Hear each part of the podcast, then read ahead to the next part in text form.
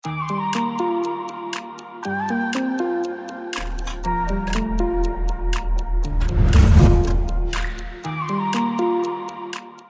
two, one, and ons. Halo semuanya, balik lagi sama gua di podcast Three Ons dan gua Kania.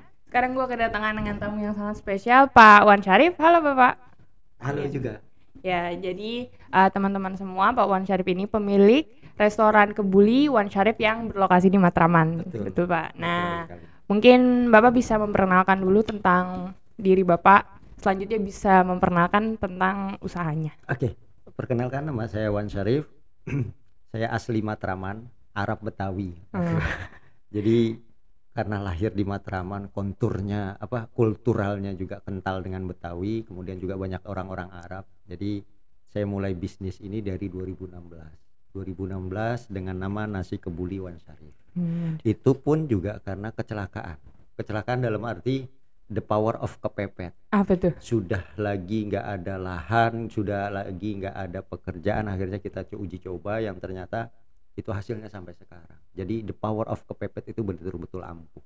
Berarti sebelumnya ada usaha. Ada usaha, kita punya percetakan yang sudah berjalan lebih dari enam tahun. Singkat cerita, Tuhan kasih jalan yang berbeda, ambruk, bangkrut, kolab sampai banyak hutang. Yang walhasil eh, ibu saya panggil kembali pulang, sudah tinggal di sini. Mm-mm. Lantas ibu saya berpesan mau banyak rezeki kembali nggak mau. Itu rumah kamu di belakang masjid.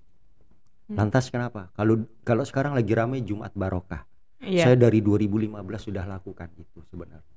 Oh, Jadi iya. ketika orang pulang dari sholat Jumat, tarik mereka, Hmm. ajak satu, dua, tiga orang, ajak masuk ke dalam, sekedar minum kopi, kue gorengan segala macam. Nah, walhasil saya berjalan, saya ikuti eh, petuah ibu saya untuk orang-orang yang baru pulang sholat Jumat, kita hadir ke rumah, ajak mereka untuk eh, makan, Hmm. kopi dan terakhir kita makan sampai 40-50-an orang.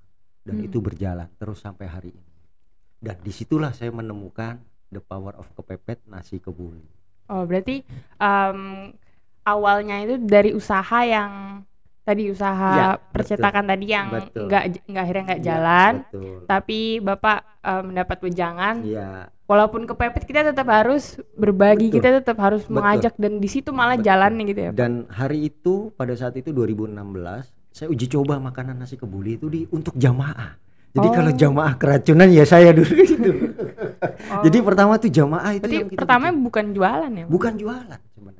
Hmm. Jadi kita lihat eh, teman-teman antusias datang karena kita sediakan makanan yang yang apa ya mereka kita tahu setelah pulang sholat Jumat tuh mereka lapar ya Iya. udah kita makan bareng-bareng dengan pengurus masjidnya dan kita uji coba oh ini ternyata ada bumbu bumbu kebetulan bumbu dari Palembang karena Hmm. istri dari Palembang kita coba kita kolaborasikan bisa nggak ini bumbu bisa masuk dalam kategori nasi kebuli Mm-mm. ternyata bisa jadi eksperimen itu adalah jamaah-jamaah yang saya undang untuk makan. Jadi kamu kalau sampai hari itu keracunan, saya yang bersalah. Tapi alhamdulillah berjalannya waktu terus kita eh, penyempurnaan penyempurnaan sampai enam bulan eksperimen bumbu kebuli. Dan walhasil kita eh, bisa berjualan nasi kebuli bahkan bukan cuma nasi kebulinya. Iya. Kita bisa bikin pelatihannya. Sudah iya. 74 kali pelatihan kita untuk teman-teman. Kenapa kita nggak buka cabang? Hmm. Kenapa? Karena kami mau memberikan eh, sedikit edukasi, memberikan kesempatan bagi teman-teman yang mau berjualan. Hmm. Yang kedua, kita punya bumbunya, instannya. Jadi kalau ketika te- teman-teman habis ikut pelatihan, oh ternyata Wansari punya bumbunya. Oh, iya. Begitu diracikin, oh kita bisa loh bumbu apa masak nasi kebuli semudah mie masak mie instan. Kan Karena keren. ada bumbunya tadi. Ya, betul. Total pelatihan itu sudah 74 kali mungkin kalau dihitung ber- dirilis bers- saya pernah kena eh, bekerja sama dengan Basnas Republik Indonesia itu dirilis dengan Basnas bahkan ada channel YouTube-nya juga itu dirilis sekitar ada sekitar 8 sampai 10 ribuan orang UMKM yang sudah ikut pelatihan Pelatihannya mulai dari kapan? Kita pelatihan tuh eh, sejak 2018 awal Oke. Oke, jadi kita mundur dulu ya, Pak. Oke, Kita mundur dulu ke 2016 tadi Oke. waktu Bapak mulai memulai itu. Mm-mm. Mulainya kan memang awalnya idenya bukan usaha itu Betul. kan. Tapi em, ketika akan menjadi usaha itu, nah itu eh, kesulitan apa atau ada struggle apa yang Bapak hadapi Nah, ini ketika mena- memulainya ini, ini, itu? ini menarik ini menarik kenapa? Karena pada saat itu saya ingat sekali, dan ini selalu saya saya katakan sama teman-teman ketika saya pelatihan, saya modal 75.000 loh untuk ngolah ini semua. 75.000 untuk pertama kali bikin nasi kebuli untuk menjamu para tamu yang baru pulang sholat Jumat. Itu saya modal 75.000.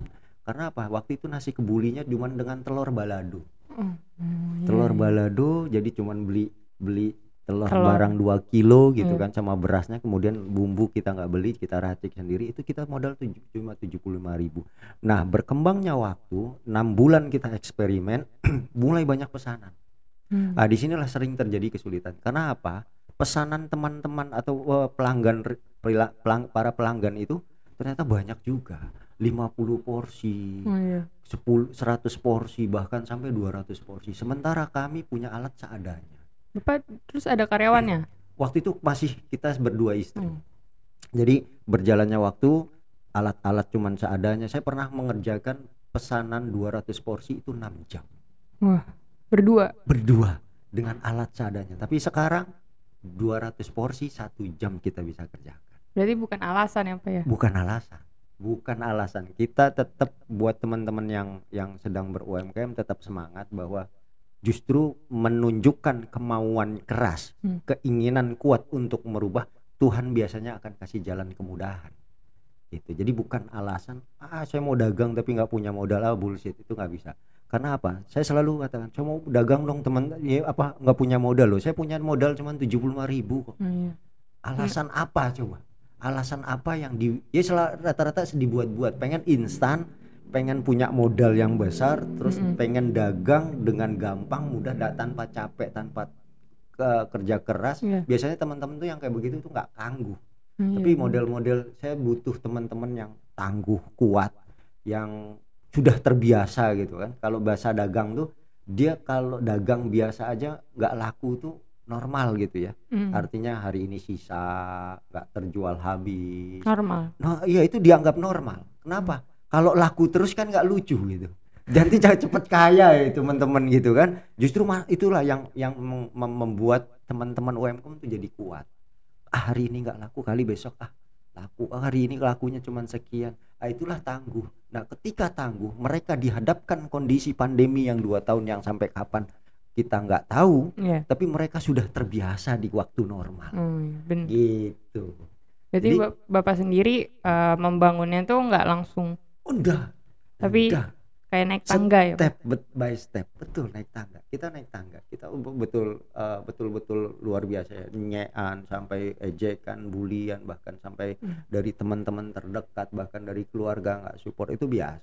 Bahkan puncaknya 2019 itu saya kesira kena musibah ada kena minyak panas. Tapi Hmm. saya anggap ini bahwa eh, Tuhan pasti akan kasih kemudahan ketika umatnya atau eh, manusianya itu punya keinginan kuat mau merubah mau merubah dari segi ekonomi mau rubah sifatnya segala macam Tuhan biasanya kasih akan jalan kemudahan nggak ada lah ibaratnya eh, anak kecil dari TK tiba-tiba naik kelas 5 SD itu nggak mungkin Iya. gitu jadi harus step by step kelas 1 kelas 2 Iya, kelas benar. 3 kelas 4 kelas 5 begitu seterusnya Nah, lalu gitu Mbak Kani kenapa milihnya nasi kebuli, Pak? ah ini menarik tahun 2016 Kan ada nasi padang, Ya, nasi nasi uduk. saya sudah be- selalu berbuat apa berpikiran gini saya mau buat jual sesuatu yang orang lain tidak punya Waktu itu belum rame apa ya? belum rame belum rame dan bahkan di kecamatan kami waktu 2017 mulai muncul namanya OKOC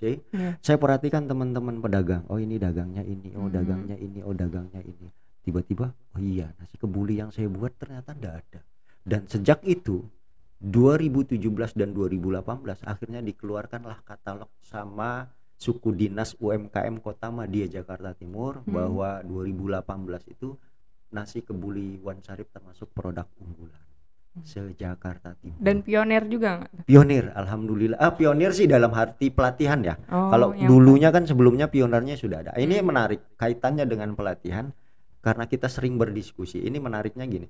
Eh, saya paling senang ketika sebuah usaha dibangun oleh pasangan suami istri. Hmm. Kenapa? Kenapa? Kelebihan dan kekurangannya mereka bisa saling diskusikan. Karena buat saya pribadi wanita atau istri itu bukan cuma sebagai tulang rusuk, Hmm. tapi mereka pun juga punya kekuatan ide, punya ide-ide yang cemerlang terbukti istri saya bilang gini ayah eh, ayah ini bukan pionir dalam nasi kebuli sudah ada pendahulu-pendahulu terdahulu Hmm. tapi ayah bisa lakukan yang mereka tidak lakukan Dan akan menjadi tabu ketika sekelas eh, perusahaan eh, apa rumah rumah makan besar Arab gitu restoran-restoran Arab besar gitu lah kita nggak sebutin itu akan menjadi tabu ketika dia membagikan resepnya Hmm, benar. Iya, iya.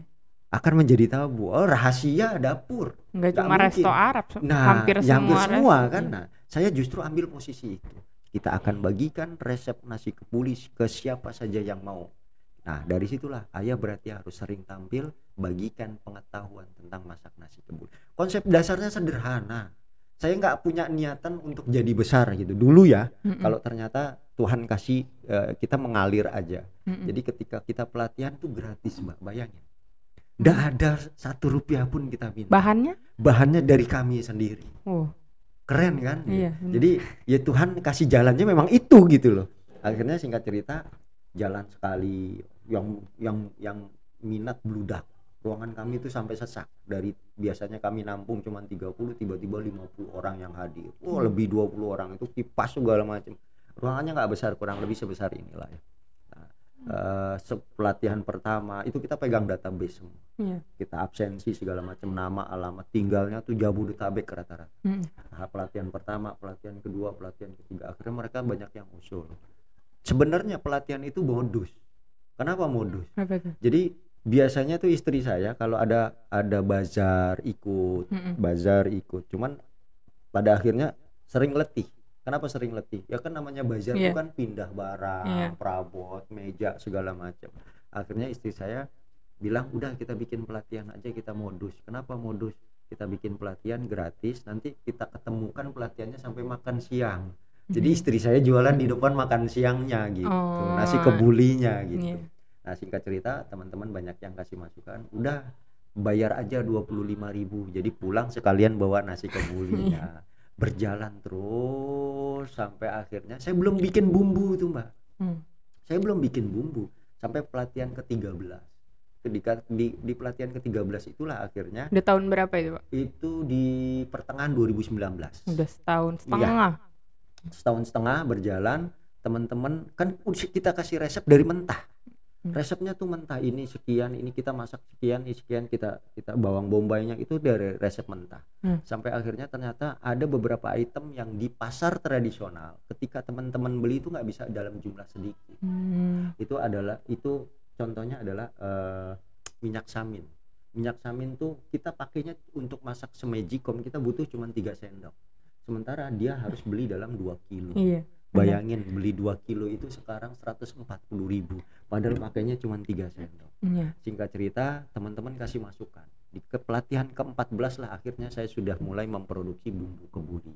Jadi Wan Sarip bikin aja bumbu kebulinya dalam jumlah banyak. Kan kepake kalau 2 kilo. Gitu kan kepake Iya. semuanya. Nanti ketika sudah Wan Sarip packing sudah di apa dikasih label ada logo halalnya udah tiap pelatihan akhirnya jadi nasi kebulinya bawa pelatihannya jalan bumbu Hmm. kebulinya pun jalan.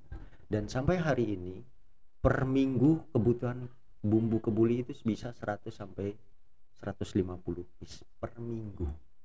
Per minggu harga bumbu kebuli itu 30.000 rupiah. Bayangin omsetnya berapa?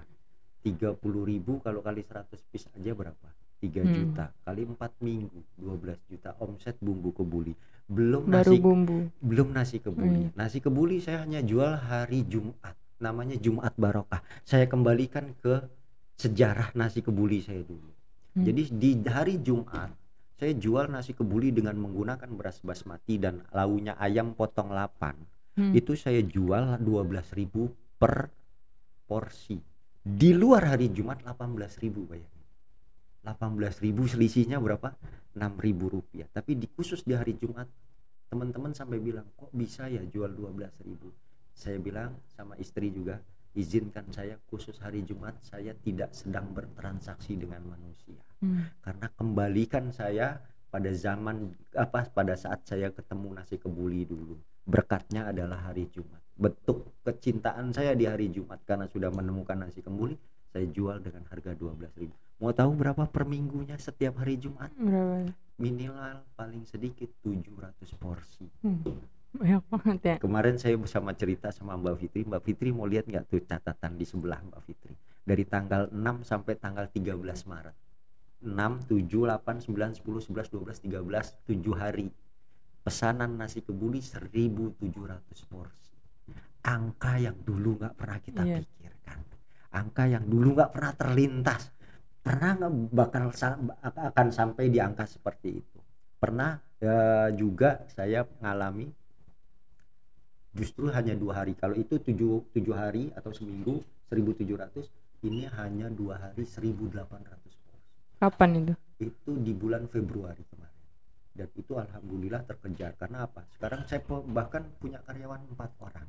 Mm-mm. jadi terjadi penambahan empat orang betul apa yang di apa eh, programkan sama pemerintah kita ikut coba membangun ikut coba mm, mensukseskan program pemerintah satu menumbuhkan menumbuh kembangkan UMKM yang melalui pelatihan-pelatihan Iya. tadi UMKM tumbuh mulai berjualan banyak teman-teman kemudian membuka lapangan pekerjaan Mm-mm. jadi teman-teman yang tadinya punya satu lapak tiba-tiba punya jadi dua lapak nasi Mm-mm. kebuli. Jadi mereka buka lapangan pekerjaan baru buat saudara, sanak, famili, tetangga.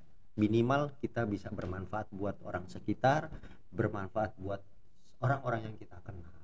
Minimal bermanfaat. Mm. Itu. Itu jadi kayak landasan usaha Bapak ya. Iya. Ya, Nggak cuma untung bisnisnya doang, tapi Iya. bagaimana usaha Bapak bisa memberikan manfaat tadi ya. betul, betul. Jadi eh, bahkan sempat saya juga saya teman-teman yang mau eh, kemitraan dengan kita boleh yang sekedar mau privat boleh yang mau sekedar tanya-tanya. Dan kita di rumah itu justru buka ruang komunikasi diskusi dengan teman-teman. Hmm. kesulitan modal kah kesulitan pemasaran kah. Bahkan akhirnya dari teman-teman itulah hasil dari para dari pelatihan anggotanya pesertanya kita grup bikin grup yang namanya grup teras UMKM karena Mm-mm. memang dasarnya dari teras Ya, jadi teras. Nah sekarang teras itu yang kita bikin di grup WA-nya itu ada lima. Satu grup WA itu sekitar 250-an orang. Jadi kalau Hmm, lima banyak. belum dengan teras Bang Japar ya. Teras Bang Japar juga ada. Belum lagi dengan teras Basnas. Teras Basnas ada 12 grup WA bayangin grup WA-nya 12 itu luar biasa. Jadi ya semangat teman-teman kita patut gitu ya kita kita apa apresiasi pengen belajar Nah, dari dari Papua dari Bali bahkan dari Bali Hmm. belum pernah ketemu tuh yang di Bali jualan nasi kebuli kan eh, Mm-mm. keren gitu kan kalau kemudian dari Kendari dari Palu dari berbagai daerah banyak Dari- jadi ada beberapa teman yuk kita keliling aja yuk kita roadshow kita bikin pelatihan karena pelatihan saya bukan cuma nasi kebuli jadi Apa? ada nasi biryani Hmm, Eh, Arab lagi ya. Arab lagi kemudian ada nasi mandi Oh iya. tanpa keramas Oh iya. nasi mandi aja Iya. iya. sama nasi kapsa jadi keempat ini teman-teman minimal tahu lah ya Mm-mm. karena konsep dari awal pelatihan itu saya pengen orang menginformasikan yang tadinya orang nggak tahu mana nasi kebuli jadi tahu Mm-mm. nasi kebuli yang tadinya nggak bisa masak nasi kebuli jadi bisa masak nasi kebuli yang ketika mereka bisa masak nasi bul- kebuli kemudian ada peluang untuk bisa berkesempatan berjualan mereka jadi bisa berjualan jadi semuanya dapat minimal kalau memang dia nggak mau berjualan minimal dia bisa masak untuk keluarga tercinta. Oh, jadi nggak perlu repot-repot. kan? gratis juga ya. Apanya? Pelatihannya, Pelatihannya. pelatihannya masih tetap Masih gratis sampai Masih sekarang. gratis sampai sekarang. Tiap Selasa, insya Allah kita buka kelas terus untuk teman-teman. Tergantung permintaannya teman-teman. Mau Hmm. kelas apa? Oke, na- kelas nasi biryani, oke. Mau kelas apa? Kelas nasi mandi, oke. Nah, belum lama kita baru roadshow di 10 kecamatan di Kota Madia, Jakarta. Hmm. Termasuk Durian Sawit. Nah iya. Kecamatan Durian Sawit kita buat dua kali putaran kurang lebih pesertanya ada hampir seratusan orang lah. Tuh. Menu baru Bapak nggak?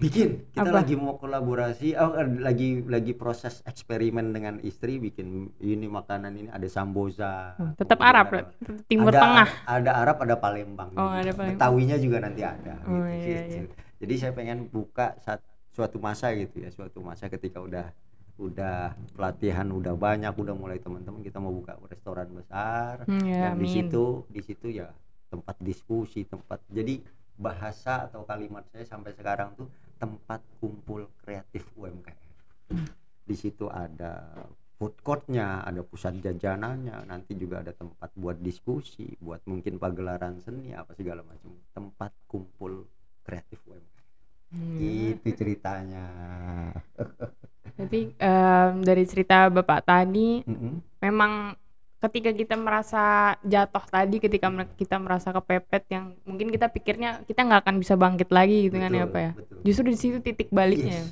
titik baliknya di situ punya kekuatan hati karena saya ngelihat anak-anak masih kecil ya Allah ini kalau saya nggak segera bangkit Iya. kapan gitu kan ya udah pelan-pelan saya sambil berdoa karena usaha tanpa dosa itu bullshit gitu nggak akan pernah jadi apa-apa Tanpa gitu. doa. tanpa doa jadi doa doang tanpa ikhtiar juga Iya benar. percuma mau ngapain gitu. Apalagi ngeluh doang. Nah, di, di di WA tuh tuh banyak teman-teman. Ah, enggak, itu energi negatif. Iya. Jadi harus dibuang energi negatif. Saya se, eh, sepemikiran dengan Mbak Fitri dengan rekan-rekan UMKM lainnya bahwa kalau bisa di status WA tuh buat yang positif Hmm. positif karena pada hakikatnya kita sedang menyedot energi positif. Jadi yang negatif-negatif tuh pinggirin aja lah karena nggak ngasilin apa-apa gitu Mm-mm. mending kita buat semangat sesuatu yang yang enak yang Mm-mm. enjoy biar orang merasa ngelihat uh Wan Sarip senang terus padahal dia nggak tahu gitu kan jadi Iya. karena kesusahan tuh nggak perlu kita Oh iya. nggak perlu kita Nggak perlu ditunjukin. iya, ditunjukkan nggak perlu gitu kan jadi tetap yang baik-baik aja lah yang senang yang happy gitu kan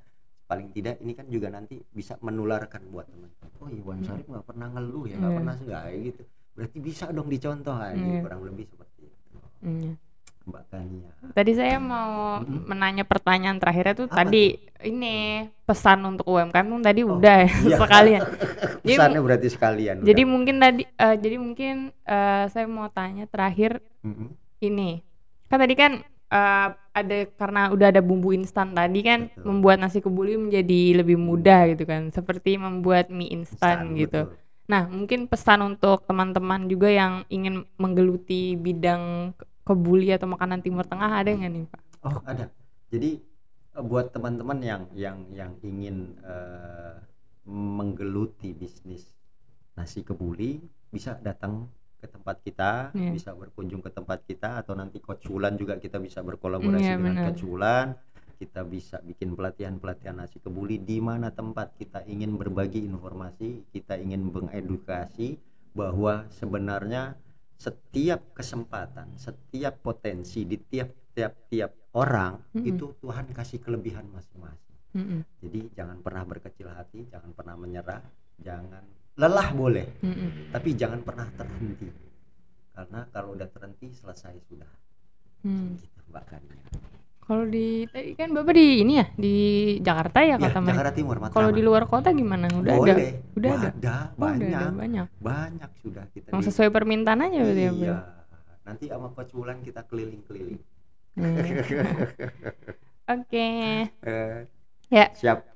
Oke mungkin eh, sampai sini aja podcast kita hari ini tentang usaha Pak Wan Syarif dan nasi kebuli makanan Timur Tengah dan lain-lain. Ternyata nggak sulit ya Pak ya. Gampang. Asal kita mau, kita mau berusaha, kita mau tetap berbagi, insya Allah pasti ada jalannya Pak. ya. Nggak ada Betul. alasan pokoknya. Nggak ada alasan. Oke. Nggak ada alasan. Ya, Tetap Siap. semangat. tetap Sukses semangat, selalu. sukses selalu. Oke, terima kasih semuanya telah nonton podcast ini and see you in the next podcast. Bye bye. Saya nggak tahu Pak di Duren Sawit.